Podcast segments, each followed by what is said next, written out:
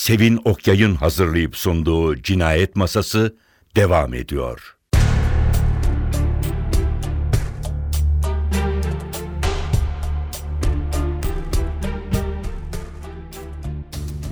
Meadowbank, polis şefinin özel ilgisini hak edecek önemde bir kuruluştu. Rutin araştırma sürerken Miss Bulstrode da boş durmadı tabii. Her ikisi de dostu olan bir gazete patronuyla İçişleri Bakanı'na telefon etti. Bu girişimler sonucunda olaydan gazetelerde ancak çok kısa ve dikkat çekmeyecek şekilde söz edildi. Bir beden eğitimi öğretmeninin okulun spor salonunda cesedi bulunmuştu. Kadın vurularak ölmüştü. Bunun bir kaza olup olmadığı henüz saptanamamıştı. Verilen tüm haberlerde hemen hemen bu olaydan dolayı özür dilenircesine tuhaf bir hava vardı. Sanki beden eğitimi öğretmeni düşüncesizlik edip bu koşullarda vurulduğu için kınanıyordu. Anne Shepland o günü ebeveynlere mektup yazarak geçirdi. Miss Bulstrode hiç zaman kaybetmeden öğrencilere olaydan kimseye bahsetmemelerini söyledi. Ama bunun boş bir çaba olduğunun bilincindeydi. Endişeli ebeveyn ya da vasilere az ya da çok uçuk, gerçekle ilgisi olmayan haberler iletileceğinden emindi. Dolayısıyla kendisinin göndereceği dengeli ve akla yakın mektuplarla abartılı haberlerin yaklaşık aynı zamanda ebeveynlere ulaşmasının daha doğru olacağına karar vermişti. Bulstrode, o gün akşam üzeri bölge polis şefi Bay Stone ve müfettiş Kelsey ile özel bir toplantı yaptı. Polis, basının cinayet konusunda mümkün olduğunca az bilgilendirilmesinden yanaydı. Böylece işlerine karışılmadan rahat ve sakin bir araştırma yürütebileceklerdi. Bay Stone, olaya çok üzüldüm Miss Bulstrode dedi. Gerçekten çok üzüldüm. Sanırım bu şey sizin için de çok kötü bir durum. Hiç hoş değil. Miss Bulstrode, hangi okul olsa cinayetten olumsuz etkilenir dedi. Ama olan oldu artık. Bunu uzatmanın anlamı yok. Başka birçok fırtınayı atlattığımız gibi bunu da atlatacağız. Tek dileğim sorunun mümkün olduğunca çabuk çözülmesi. Neden olmasın diyen polis şefi Stone Kelsey'e döndü. Kelsey, kadının geçmişini öğrenirsek işimiz kolaylaşır dedi. Miss Bulstrode alaycı bir havada kaşlarını kaldırdı. Öyle mi dersiniz? Kelsey, belki de gizli bir düşmanı vardı diye açıkladı. Miss Bulstrode yanıt vermedi. Polis şefi Stone, cinayet nedeninin okulla ilgili olduğunu mu düşünüyorsunuz diye sordu. Miss Bulstrode gülümsedi. Aslında müfettiş Kelsey de öyle düşünüyor. Ama sanırım beni incitmemeye çalıştığı için bunu açıkça söyleyemiyor. Müfettiş ağır ağır evet dedi. Bence cinayetle Meadowbank arasında bir bağlantı var.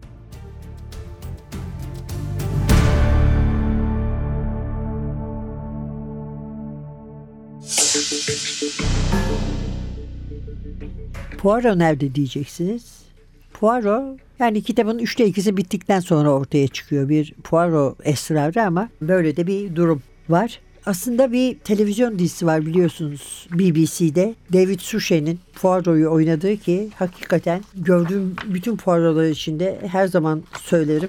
En başarılı kişidir. En fazla benzeyen, daha doğrusu bizim gözümüzün önünde getirdiğimiz tipe en fazla benzeyen kişidir. Ondan daha iyi bir Poirot ben şahsen düşünemiyorum. Bu da bir David Suchet dizisi Agatha Christie's Poirot serisi. Burada hayli değişiklikler var kitapla. Çok esrar açığa vermemek şartıyla birkaç tanesini söyleyeyim. Örneğin dizide Rawlinson ve Prince uçak kazasında ölmüyorlar, çarpışarak ölüyorlar. Cinayet silahı ilk cinayetteki değişiyor, değişik dizide.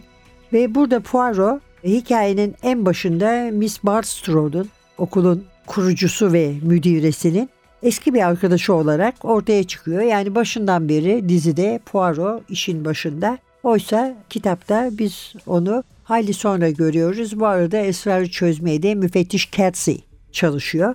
Sonra okuldaki kızlardan bir tanesi annesinin bir arkadaşı tanıyor onu diye adını duymuş Poirot'u çağırmaya gidiyor. Poirot öylece aramıza dahil oluyor. Ve gelir gelmez tabii herkesi ele geçiriyor diyeyim. Böyle bir gönül çelici havası var Poirot'un. Önce kim bu İngiliz'e hiç benzemeyen adam deseler de biliyorsunuz İngilizler İngilizlere benzemeyenleri sevmezler. Yabancıları da sevmezler. Herkül Poirot da olabildiğince yabancı yani giyinişiyle, yumurta biçimi kafasıyla, alışkanlıklarıyla, kendince bir şıklığı var ki İngiliz şıklığına hiç uymuyor. O şıklıkla, yemek zevkiyle, çoğu şeyle bir de hatta o içtiği mentollü içkilerle bile diyebiliriz.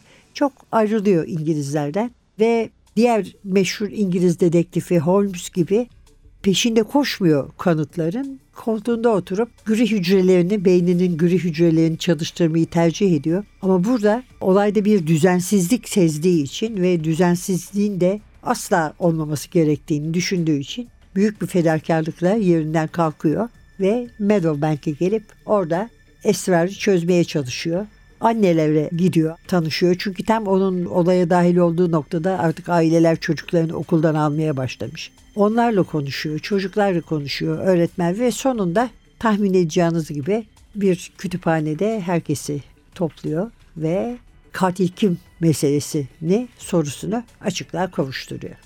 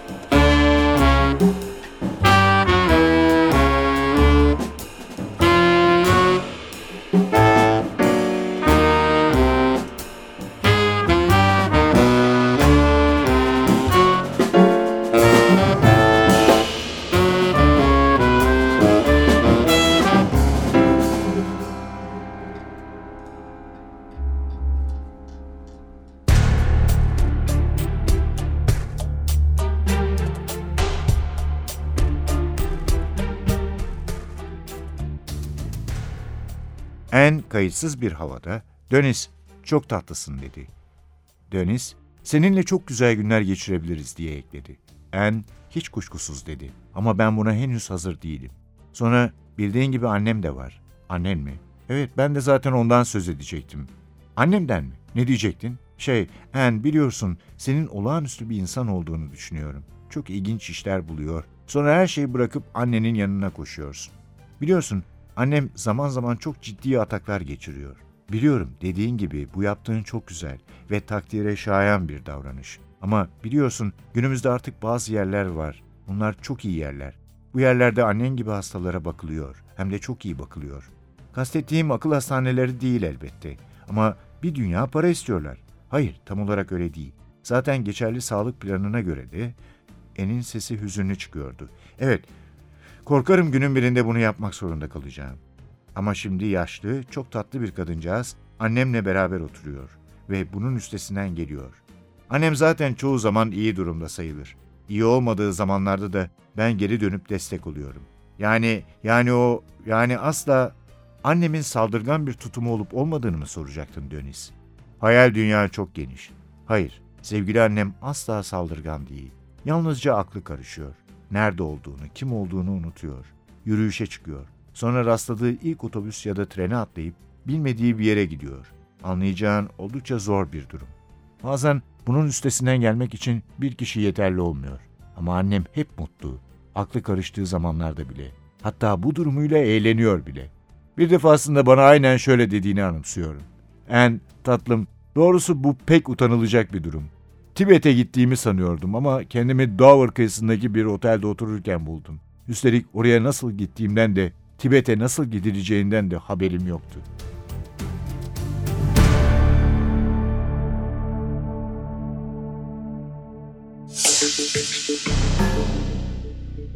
Polisiyenin altın çağına döndük. Agatha May Clarissa Miller, bizim bildiğimiz adıyla Agatha Christie.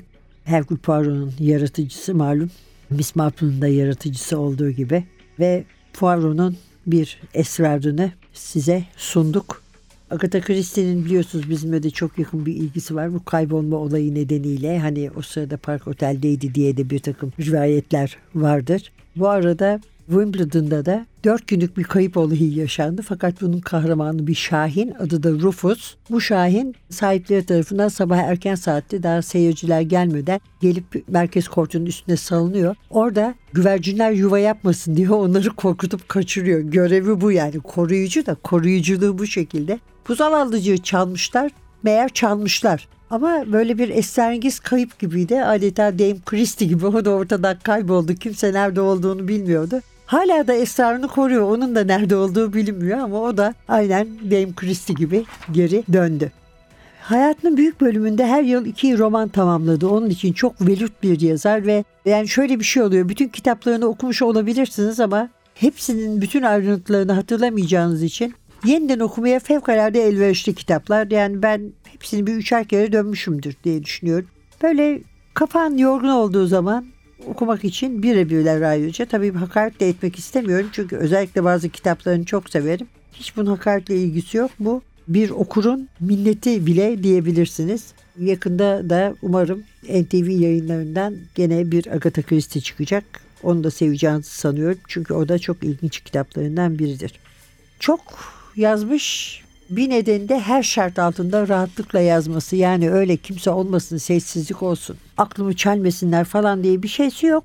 Nerede olsa yazıyor yani yemek masası, mutfak tezgahı, banyo küveti hepsinde yazabiliyor. Hele sağlam bir masa buldu mu hiç mesele kalmıyor. Bir de daktilo.